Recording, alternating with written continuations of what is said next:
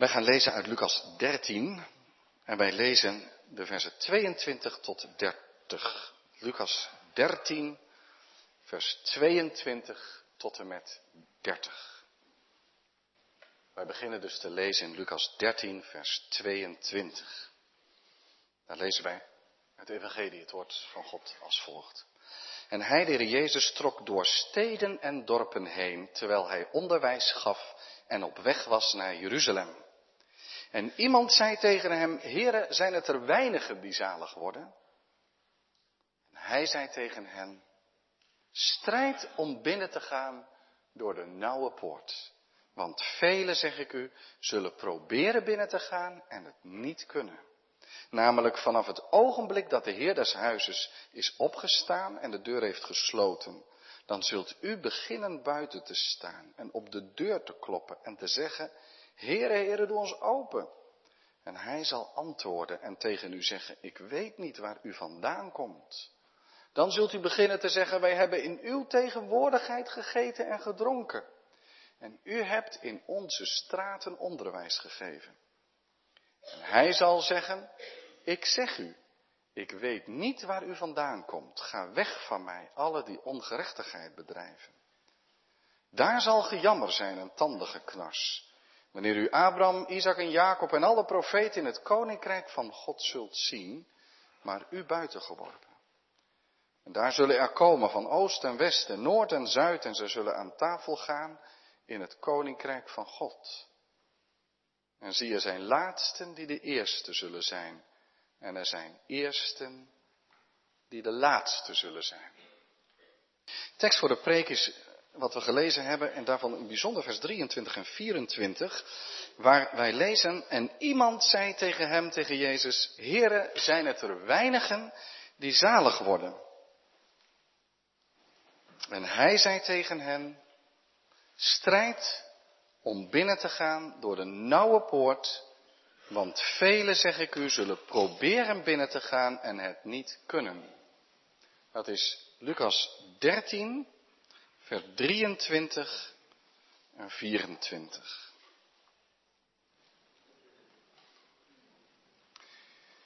Gemeente van onze Heer Jezus Christus, stel dat je één keer in je leven de gelegenheid zou krijgen om aan de Heer Jezus een vraag te stellen. Nou, nu zeg je, dat kan ik elke dag wel, en dat is ook zo. Maar stel nou eens voor dat je nou echt één keer in je leven zomaar naar hem toe zou kunnen gaan en dan zou zeggen, ik geef jou gewoon antwoord op de vraag die jij te stellen hebt.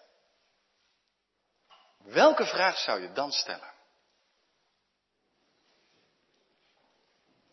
Ik mag toch hopen dat je nu wel een vraag in je gedachten hebt, hè?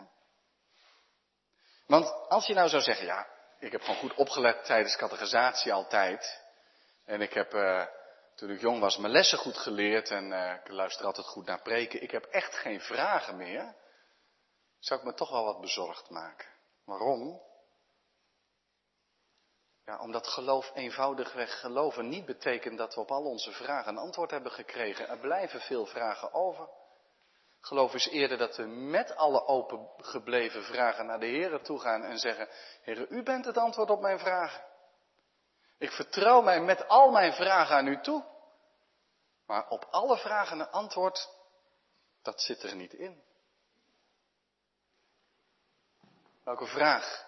Als je vandaag die vraag aan de Heer Jezus zou mogen stellen, welke vraag zou je stellen? Zou je aan de Heer Jezus vragen, waarom had u nou, Heere God, waarom, waarom stond die boom daar in het paradijs? Lijkt me nogal een vraag.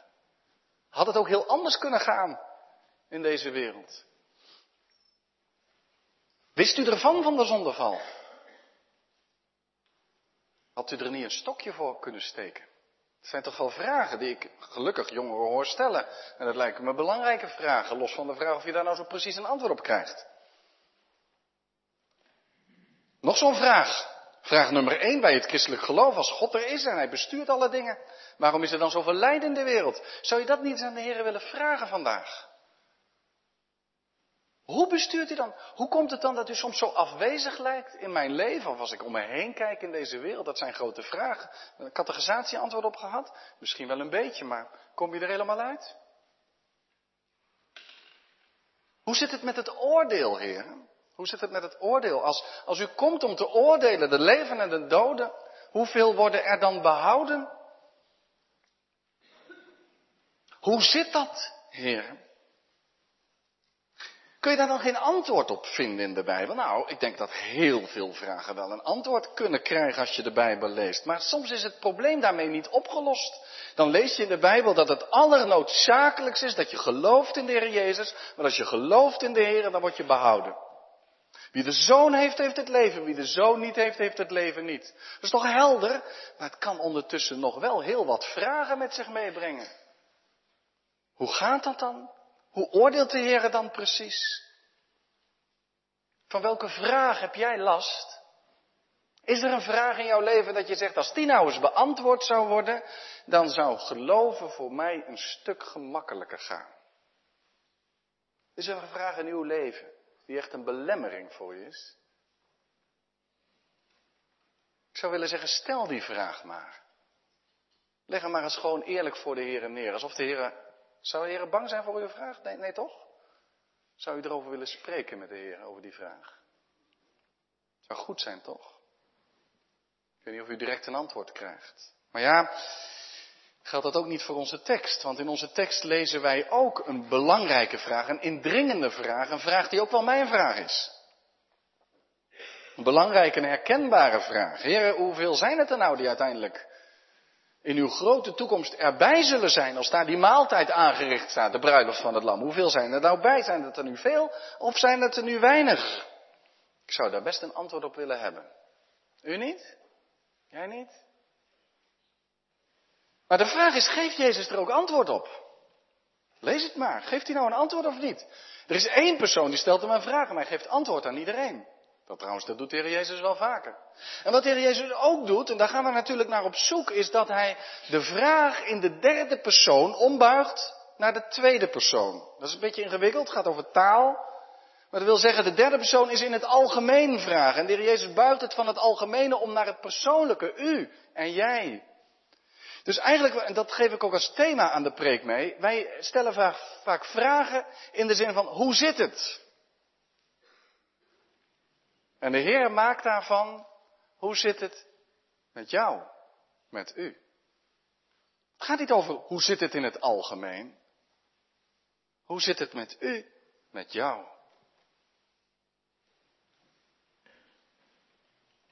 Belangrijk in onze tekst, je leest het in vers 22 al, is dat de Heer Jezus onderweg is naar Jeruzalem. Als je een Bijbelcommentaar hebt, een verklaring in twee delen, dan wordt vaak de knip gemaakt bij Lucas 9, vers 51. Omdat iedereen het er wel over eens is, daar begint het tweede deel van het Lucas-evangelie. Daar staat dat de Heer Jezus zijn aangezicht richt om naar Jeruzalem te reizen. En alles wat er nog gebeurt, en er gebeurt nog heel veel, alles wat er nog gebeurt, gebeurt onderweg. En Lucas zegt dat is belangrijk, want het gaat naar een climax. Het zijn niet losse zomaar van die gebeurtenissen. Nee, het zijn gebeurtenissen onderweg naar het kruis. Onderweg naar de verlogening en het verraad en het lijden en het sterven en het opstaan. Daar is het naar onderweg en al die dingen gebeuren onderweg. En dan komt het er ook op aan. Mensen gaan mee met Jezus, maar gaan ze echt mee? De heer Jezus zegt in Lucas 14 zelfs, bezint eer gij begint. Je kunt mij wel willen volgen, maar weet je wel wat dat betekent? Ik ben onderweg. Ik ga naar het kruis. Als je mij wil volgen, dat betekent dat je alles loslaat. Je kruis op je neemt en mij navolgt. Alles gebeurt onderweg. Ook de waarschuwingen die de Jezus spreekt. Want wat is de Jezus uitnodigend, verwelkomend, kom maar. Kom tot mij, je zult behouden worden. De Jezus nodigt uit. Maar hij zegt op een gegeven moment ook scherp, kijk eens, er zijn velen die afhaken, die gaan weg. Je moet niet alleen even meegaan. Je moet niet alleen zeggen, nou, is een interessante rabbi, die Jezus. Kun je best wel veel van leren. Nee, het gaat erom dat je tot bekering komt. Het gaat erom dat je tot geloofsovergave komt. Maar minder kan het niet. En daarom zie je aan het begin, of aan het einde van hoofdstuk 12, als het om de tekenen van de tijden gaat, dat de Heer Jezus zegt, het gaat erom dat je deze tijd begrijpt. Dat God naar je omziet, in mij, en dat je tot geloof komt. En hoofdstuk 13 begint met allerlei erge dingen die gebeuren. Maar de Heer Jezus zegt, het zal ook met jou gebeuren als je je niet bekeert. Dus de Jezus spreekt scherp. En zegt, het komt erop aan. Je moet niet alleen toehoorder zijn, Maar je moet je in geloof aan mij toevertrouwen. En vervolgens gaat het over die onvruchtbare vijgenboom. En dat de Heer zegt, er is nog geduld. We geven het nog wat tijd, al zie ik nu nog geen vrucht. We geven het nog tijd. Maar hij zegt tegelijk daarmee, die genadetijd gaat op een gegeven moment voorbij.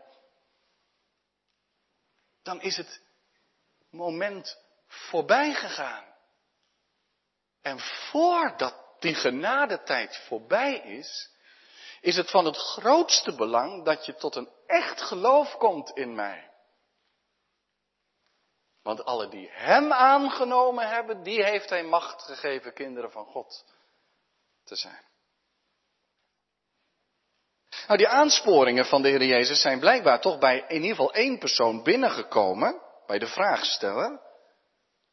En misschien speelde ook wel mee dat vele mensen eerst meegingen met Jezus, maar toch een keer ermee stoppen en zeggen, ja, het is wel mooi geweest, het is allemaal zeer interessant wat hij te zeggen heeft, maar je moet ook weer gewoon in je eigen leven verder, hè? het houdt ook een keer op. En ze gaan weg bij Jezus vandaan en sommigen begonnen zich wat aan zijn boodschap te storen.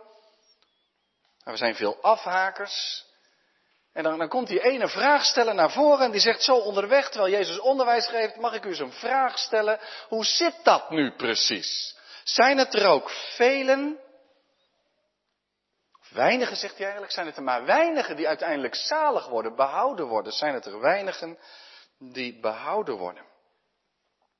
En dat was geen vreemde vraag, er werd wel meer over gediscussieerd in die dagen. In het jodendom van die dagen. Velen waren toch wel van mening dat Israël als uitverkoren volk van God in zou gaan in die grote toekomst van de Heer en aan zou zitten aan die maaltijd die de profeet Jezaja in hoofdstuk 25 beloofd had. De grote maaltijd op de berg Sion. Daar zouden ze toch aanzitten. En daar zou het hele volk Israël bij horen op die grote dag, hoewel de profeten daar ook wel eens wat vraagtekens bij zetten en zeggen, ja, je kunt wel het volk van God zijn, maar als je God loslaat, dan is dat maar de vraag wat er gebeurt op de dag des Heren.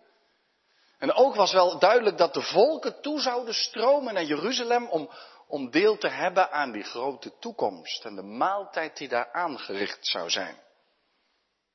Natuurlijk misschien niet alle Israëlieten, als je ging ontkennen dat de wet echt vanuit de hemel kwam, dan, uh, dan maakte je niet zoveel kans om daar binnen te gaan. En ondertussen uh, discussieerde men erover, want ja, die fariseeën waren best streng. Je moest van alles en je moest van alles laten. Het was niet zo vanzelfsprekend om in de hemel te komen. Maar hoe zou dat nou bij Jezus zijn? Want als Jezus spreekt, dan is hij zo uitnodigend, zo liefdevol. Zondaars, die, die trekt hij zelfs aan, die vinden het fijn om naar hem te luisteren. En tegelijk roept hij indringend op dat ze wel tot een echt geloof moeten komen. Nou, laat hij het maar eens zeggen dan. Zijn het er weinigen, heren, die, die behouden worden, die zalig gaan worden? Zijn het er maar weinig, een handje vol misschien, of ietsje meer? Kijk, bij zo'n vraag ga ik ook op het puntje van mijn stoel zitten. U niet? Ja, toch? Dat wil ik ook wel weten, want het is mijn vraag ook. Ik zit daar soms erg mee. Je kunt het heel gewoon vinden om de genade van de Heer te horen verkondigen in de kerk, maar kijk om je heen. Dus Nunspeet een erg bijbelse plaats, zou je zeggen. Met veel kerk en veel kerkgangers. Hoeveel procent zal er bij de Here zijn in zijn grote toekomst? En hoeveel gaan er verloren? Dat houdt je toch bezig van tijd tot tijd? En wereldwijd, als je de miljarden in de wereld ziet, en dan zeg je, er zijn ook best wel veel christenen, het is ook zo. Maar hoeveel komen er nou echt bij hem? Kan je bezighouden? Hoe zit dat dan met de rechtvaardigheid en de genade en de ontferming van God? Dat zijn grote vragen. Dus ik ben die vraagsteller wel een beetje dankbaar. Wat fijn dat u dat eens aan Jezus vraagt. Heren, hoe zit dat nu? Zijn het er weinigen die behouden worden? Hoeveel zullen er dan buiten staan? Kijk, dat is geen theoretische vraag van ik wil daar graag eens even een percentage op weten. Het is ook een existentiële vraag, een vraag die je raakt. Die misschien wel heel dichtbij komt in je gezin, in je familie, in je straat, in je werkkring. Het raakt je en je zegt, hoe, doet God dat dan? Hoe oordeelt Hij dan precies? Hoe weegt Hij een heel mensenleven mee dan? Waar vindt God vreugde in? Heer, als ik één vraag zou mogen stellen vandaag, dan zou ik misschien deze stellen. U bent zo liefdevol dat u uw zoon gaf. U had de wereld zo lief. U bent zo aan het uitnodigen geweest, zodat de zondaars dichterbij kwamen en eindelijk weer hoop kregen in hun leven. Een God vol van liefde. Maar hoe zit het met die redding dan? Hoeveel komen er tot geloof? Hoe schrijft u daarmee geschiedenis dan? Hoe zal het zijn? Je kan daarmee zitten, want je kunt zeggen, ja, de Bijbel geeft er een helder antwoord op. Ik zei het al. Het behoud ligt in de naam van Jezus.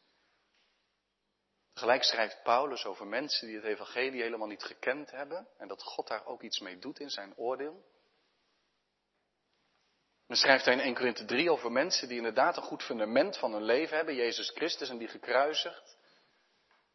Maar dat hun werk toch zal vergaan, branden en vergaan. Het gaat erom dat we door het geloof in de Heer Jezus Christus vrede hebben bij God. Maar tegelijk lezen we in de Bijbel overal dat ons leven er ergens ook toe doet. Ook als we tot geloof komen. Trouwens, is tot geloof komen ook niet bekering en nieuw leven? Heer, hoe zit dat nu allemaal? Hoe weegt u dat mee als, als iemand het nooit gehoord heeft? Heer, hoe zit dat nou precies? Als iemand nare dingen heeft meegemaakt in de kerk en de kerk verlaat, hoe weegt u dat precies? En wij weten het niet. Het enige wat we weten is dat God rechtvaardig is en een ontfermend God. En dat wij blijkbaar soms weer als God willen zijn om er helemaal precies in te kijken. Maar het kan je bezighouden, toch? Het schijnen er weinigen die zalig worden.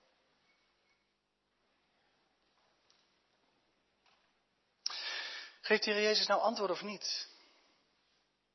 Nou, geen direct antwoord. Is dat vervelend? Nou, in eerste instantie zou je zeggen, ik had wel gewoon rechtstreeks een antwoord willen hebben. Misschien niet alleen letterlijk hoe het zit, maar ook wat uitleg erbij enzovoorts. Maar ik zei al, die hoe zit het vraag buigt de Heer Jezus om naar een hoe zit het met jou vraag. Dat is ontzettend belangrijk eigenlijk, hè? Het is heel belangrijk dat jongens en meisjes, als je in de kerk zit en je hebt heel veel vragen, dan moet je vooral papa en mama een beetje moeilijk maken als het lukt. Zo bij het slapen gaan en zeg je, ik heb nog een vraag. Ik had ook een dochter, hebben we nog steeds, maar toen hij klein was, dat is toch al even geleden, toen had ze altijd lastige vragen. Hoe zit dat dan? Hoe kan God nou altijd al de geweest zijn? Kindervraag. Waar theologen geen antwoord op hebben. Hoe zit dat nou precies? En het is goed dat je de moeilijkste vragen stelt, mag je altijd stellen. Als je op categorisatie zit, moet je predikant het flink moeilijk maken. Daar houden ze van. Ga ik vanuit. Lastige vragen stellen. Je kunt er beter ze stellen dan ermee blijven lopen. Al die lastige vragen waarvan je zegt, het is een beetje gek om te stellen. Helemaal niet gek. Stel ze maar. Maar wat de Heer Jezus doet, is die, die buigt algemene vragen, hoe zit het, heel vaak om naar die persoonlijke vragen, hoe zit het met jou? Want sommige dingen krijg je dus geen antwoord op. En dan is het gevaar dat je blijft hangen in je vraag. Dus Jezus zegt ook, met dat hij dit antwoord geeft, strijd jij nou maar om in te gaan door die nauwe poort. Dan zegt hij ook mee, op heel veel vragen krijg je geen antwoord. Waarom niet? Dat kan niet. Je kunt niet in Gods oordeel kijken. Het is maar goed dat het het laatste oordeel is. Dat wij niet mogen oordelen over mensen. Wat kan God in de laatste minuten van iemands leven doen? Hoe oordeelt God? Hoe weegt hij dat hele leven? De rechtspraak op aarde is al zo moeilijk om het recht echt te doen zegevieren. Maar God weet er raad mee. Kunnen wij dat aan Hem toevertrouwen? Als Hij oordeelt, weegt Hij alles mee. En Hij doet het rechtvaardig, wij niet. En zet al die teksten maar op een rij. Er komt een oordeel. En dat oordeel ligt in de handen van Jezus Christus. En niets is zo belangrijk dan een veilige schuilplaats te vinden achter het bloed van het lam. Tegelijk zegt Paulus, we moeten alles voor de rechterstoel van Christus geopenbaard worden om weg te dragen wat in het lichaam geschiet is, het zij goed, het zij kwaad. Je leven doet er ook toe. God weet de raad mee. En in plaats van dat wij plussen en minnen van hoe zit dat nu en is het allemaal wel eerlijk, kijkt de Heer ons vanmorgen aan en zegt, er is op dit moment maar één ding echt van belang, is dat jij binnengaat door die nauwe poort. En dat je het oordeel maar aan mij toevertrouwt. Het gaat er niet om in het leven dat jij het overziet. Dat je met je hoofd alles op een rijtje hebt. Maar dat je met je hart, met je hele leven, je aan Hem toevertrouwt. Jezus zegt als antwoord, strijd om binnen te gaan. Daarmee zegt hij dus, let op, je mag al je vragen stellen. Dat vind ik eigenlijk een beetje het spannend in deze preek, want ik wil niet de indruk wekken dat je die vragen moet ingaan slikken. Ik wil heel graag dat je met lastige vragen naar voren komt, dat je erover praat. Maar, en nu benadruk even de andere kant. Die andere kant is dat je zo vast kan zitten in jouw nieuwsgierige vragen, dat je vergeet de belangrijkste vragen te stellen. Dat gevaar, daar wijst de Heer Jezus ook op. Hoe zit dat met die boom in het paradijs? In plaats van dat je vraagt, Heer, hoe komt het nou dat ik altijd weer zonde doe? En wat is dan de weg die u wijst? Voel je het verschil? En die vraag, die eerste vraag is misschien ook wel eens belangrijk. Hoe zit het met de zondeval en wat wist God en hoe reageert hij daarop en hoe schrijft hij geschiedenis en hoe? Ik kan er nog wel een paar bedenken. Maar dat wij ook komen tot die vraag, oh God, wees mij de zondaar genadig. En dat je niet alleen die vraag stelt, Heer, hoe zit dat nou met het behoud? Zijn er ook weinig of veel die zalig worden? Maar dat je ook zegt, Heer, mag ik nou binnengaan? En dan neem ik maar in mijn gebed alle mensen van wie ik hou, die neem ik ook maar mee. Red ons, Heer. Mogen wij u schuilen en een thuis vinden. Dat. Dus pas op met nieuwsgierige vragen dat je erin vastloopt. Strijd jij om in te gaan. Tweede, de Jezus zegt ook, het kost inspanning. Strijd. Wie heeft je wijsgemaakt dat het vanzelf zou gaan? Helemaal vanzelf. Dat je zo automatisch binnen zou glijden in het koninkrijk van God. De Jezus zegt, strijd, het kost inspanning. Doe je uiterste best zegt de Heer Jezus. Je uiterste best om binnen te gaan. Zoeken. Lezen. Bezig zijn met die dingen. Bidden. Vragen. Erover praten om verder te komen. Span je in, zegt hij. Want het gaat niet vanzelf, want die poort is nauw. Dat klinkt niet zo heel uitnodigend, hè? Zou je zeggen, die poort is nauw. Had de Heer die poort niet wel groter kunnen maken, maar dat is het punt niet. Het punt is niet dat je heel moeilijk binnenkomt. Punt is alleen dat het niet vanzelf gaat. Er was ooit eens een koning, zo'n verhaal gaat toch ergens, die moest een poort binnen, die zat op een paard of een kameel, maakte van mij, wat zat hij op een olifant. Maar die poort was te klein. Dus wat deed hij? Die zegt, ja, ik ga er toch niet af. Reken maar van niet, ik ga niet lopen binnen, je breekt die poort maar open. Maar zo gaat dat niet in Gods koninkrijk. Als die poort nauw is, dat wil zeggen, je kunt niet op je eigen manier binnenkomen. Zo heel makkelijk. En je oude ik overeind houden. Je zult je klein moeten maken en op Gods manier zijn koninkrijk binnengaan. Dus dat betekent dat er in ons leven iets moet gebeuren in de zin van, je zegt, Heer, wilt u mij de weg wijzen? Leert u mij hoe het moet? Op Gods wijze, door overgave aan Hem. Nu is het opmerkelijk dat de Heer zegt, velen. De vraagsteller stelt zijn dat er weinigen die zalig worden. En de Heer Jezus zei, heeft het over velen die proberen, maar niet kunnen. Nu is het zeker zo dat je verder leest, kijk maar mee in vers 28 en 29, dan zijn er ook velen binnen. Want hij zegt, er zal daar een maaltijd aangericht zijn, daar zit Abraham, Isaac en Jacob. En al die profeten, Ezekiel, Jeremia eh, en zo nog eens wat. Die zitten daar allemaal, maar vers 29 zegt, er zullen er komen van oost, west, noord en zuid en ze zullen aan tafel gaan in het koninkrijk van God. Met andere woorden, ze komen overal vandaan, van links, rechts. Vanuit de hele wereld stromen ze toe, er zullen er ook velen binnen zijn.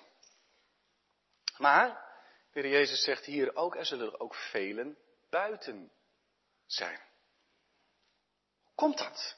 Waarom? Waarom zijn er velen buiten? Is dat omdat er binnen geen plaats genoeg was? Nee, zeker niet. Er is plaats genoeg. Dat is punt niet.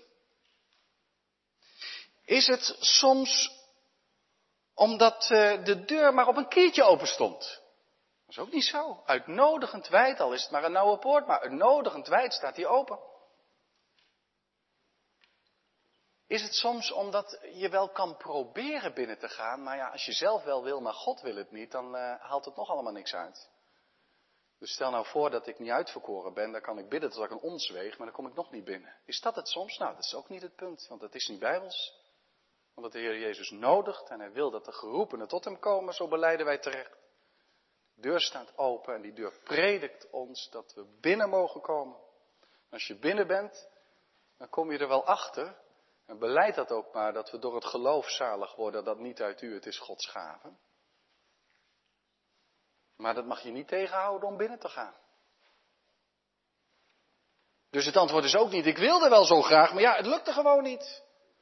Nee, de Heer Jezus legt het ook uit. Waarom proberen ze binnengaan? Dat proberen ze pas nadat die Heer des huizes is opgestaan en de deur dicht heeft gedaan. Dus het moment, de tijd dat die deur open staat, die gaat op een gegeven moment voorbij.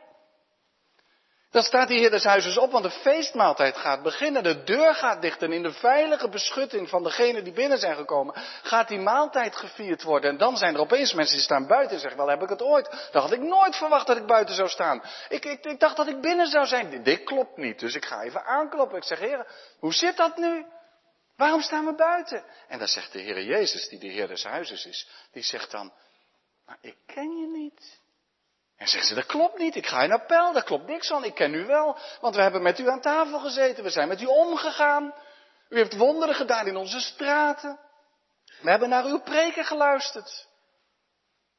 En dan zegt de Heer, ja, maar ik ken je niet. Je bent nooit binnengekomen, je hebt nooit je echt bekeerd, je hebt er naar geluisterd. Je vond er wat van. Het was de ene keer beter dan de andere keer en dan was het weer zus en dan was het weer zo. En dan had je daar een fantastische discussie over dingen van het christelijk geloof. En daar had je wat te zeggen en je was er allemaal zo serieus mee bezig. Je liet je plek niet graag leeg. Maar je zult buiten staan omdat je niet binnengekomen bent toen de deur open stond. Het is een aangrijpende tekst. Dat is aan de hand. Ze proberen binnen te gaan, maar dan is de tijd voorbij. Dus die poort is nauw, maar die staat ook niet eindeloos open. En dan zijn de mensen verbaasd dat ze vreemden zijn van Jezus. Een aangrijpende tekst. Voor mensen voor wie Jezus zo dichtbij was. En daarom, dit gaat natuurlijk over, moet je voorstellen, hè? dit gaat over mensen die bij het volk Israël wonen, horen. En ehm, die, die, die, die verwachten dat ze binnengaan. En dat ze dan buiten staan en ze kunnen even zien dat daar Abraham zit en Isaac en Jacob, hun vaderen. En Jezaja en Ezer en Habakkuk zit er en Micha zit er ook.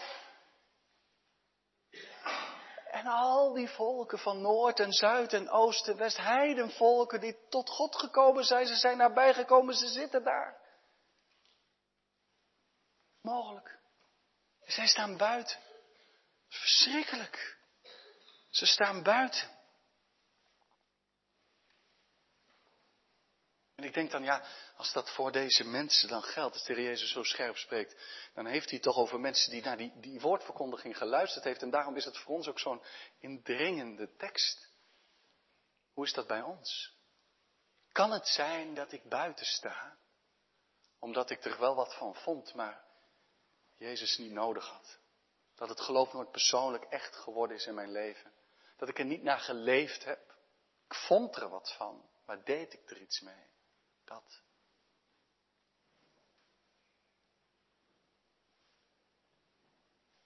Dan kan je nog zoveel discussies en vragen hebben gesteld, discussies hebben gevoerd. Ik heb mij laten vertellen dat Luther eens een keer, die kon wel eens uit zijn slof schieten. Dat maakt hem soms zo leuk om te lezen en soms denk je, nou nou. Maar Luther die eh, was veel bezig met slimme en sluwe vragen. Dat ze weer eens kwamen van wat deed God dan voordat hij de wereld ging scheppen? Toen zei hij, hij schiep een hel voor alle mensen die deze vragen zouden blijven stellen.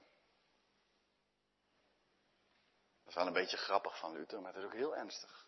Want hij had wel een punt. Kan het zijn dat we in allerlei dingen blijven steken? Kan het zijn dat onze vragen belangrijker vinden dan het antwoord dat God geeft? Kan het zijn dat we meer geloven in onze twijfel dan in de betrouwbaarheid van God? Kan dat zo zijn?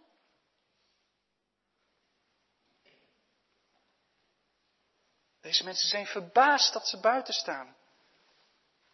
Maar Jezus zegt, je hebt heerlijk zitten luisteren, maar je hebt er geen gehoor aan gegeven. En uiteindelijk had je de ongerechtigheid lief. Niet mijn woord. Je hebt niet gestreden om binnen te gaan. En daar zal zijn bij dat buitensluiten gejammer en tandengeknars. Gejammer staat voor verdriet, intens verdriet. En dat tandengeknars voor de wroeging. Had ik maar, had ik maar. Had ik maar ook eens andere vragen gesteld, namelijk, oh God, wees mij de zondag genadig. Had ik maar gezegd, Heer, welke weg wijst u dan, in plaats van andere vragen? Hoe zit het vragen? Had ik maar gezocht in plaats van mijn stoel in de kerk versleten? En oh, daar zie je Abraham, Isaac en Jacob en die profeten. En je dacht dat je bij ze hoorde, maar het was niet waar. En zie, er zijn laatste die de eerste zullen zijn en eerste die de laatste zullen zijn. Met andere woorden, als je voorin stond omdat je dacht het komt allemaal wel goed. Als er iemand thuis hoort in het koninkrijk van God, dan ben ik dat toch wel. Dan zegt de Heer, ga maar achteraan staan. En er zijn mensen die achteraan zijn, zoals die tollenaar in die gelijkenis. Die zegt, God wees mij de zondag genadig. En die mogen vooraan komen. Die mensen die de laatste zijn, die heidevolken. Waar je zo op neer kan kijken. Mensen die zo ontzettend zondig zijn, die zullen je voorgaan in het koninkrijk van God. Terwijl je zo dichtbij was. Dat is het ingrijpende van deze tekst. Dit zijn liefdevolle en scherpe woorden van de Heer Jezus aan mensen zo dicht bij het koninkrijk van God. Woordmens, kerkmensen, die niet ingaan. Die buitengesloten worden omdat ze zichzelf buitensluiten. Want de poort staat open, maar niet voor altijd.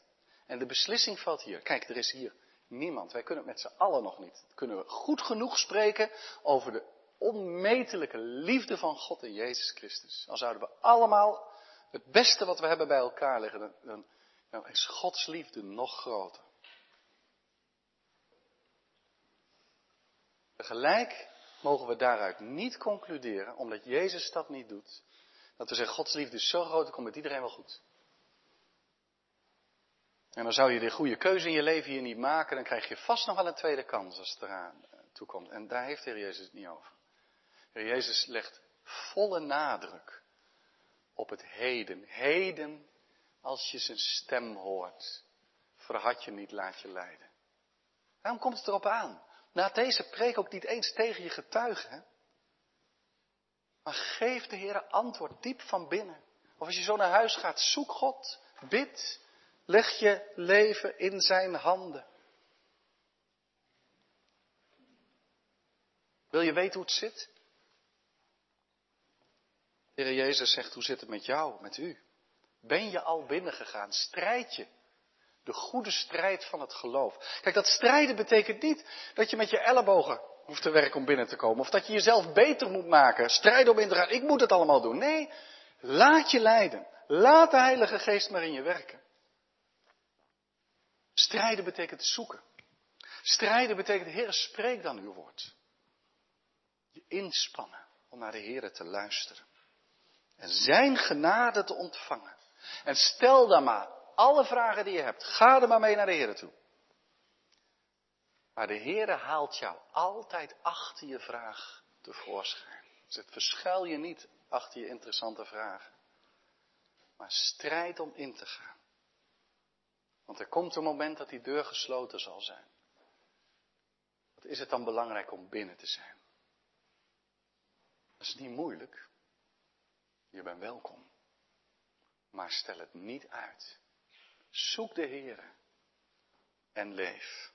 Heren, zijn er te weinigen die zalig worden? Ik zou het wel willen weten. Of misschien ook niet. Laten we het oordeel maar in Gods handen leggen. Maar zelf binnengaan. Vandaag nog. Amen.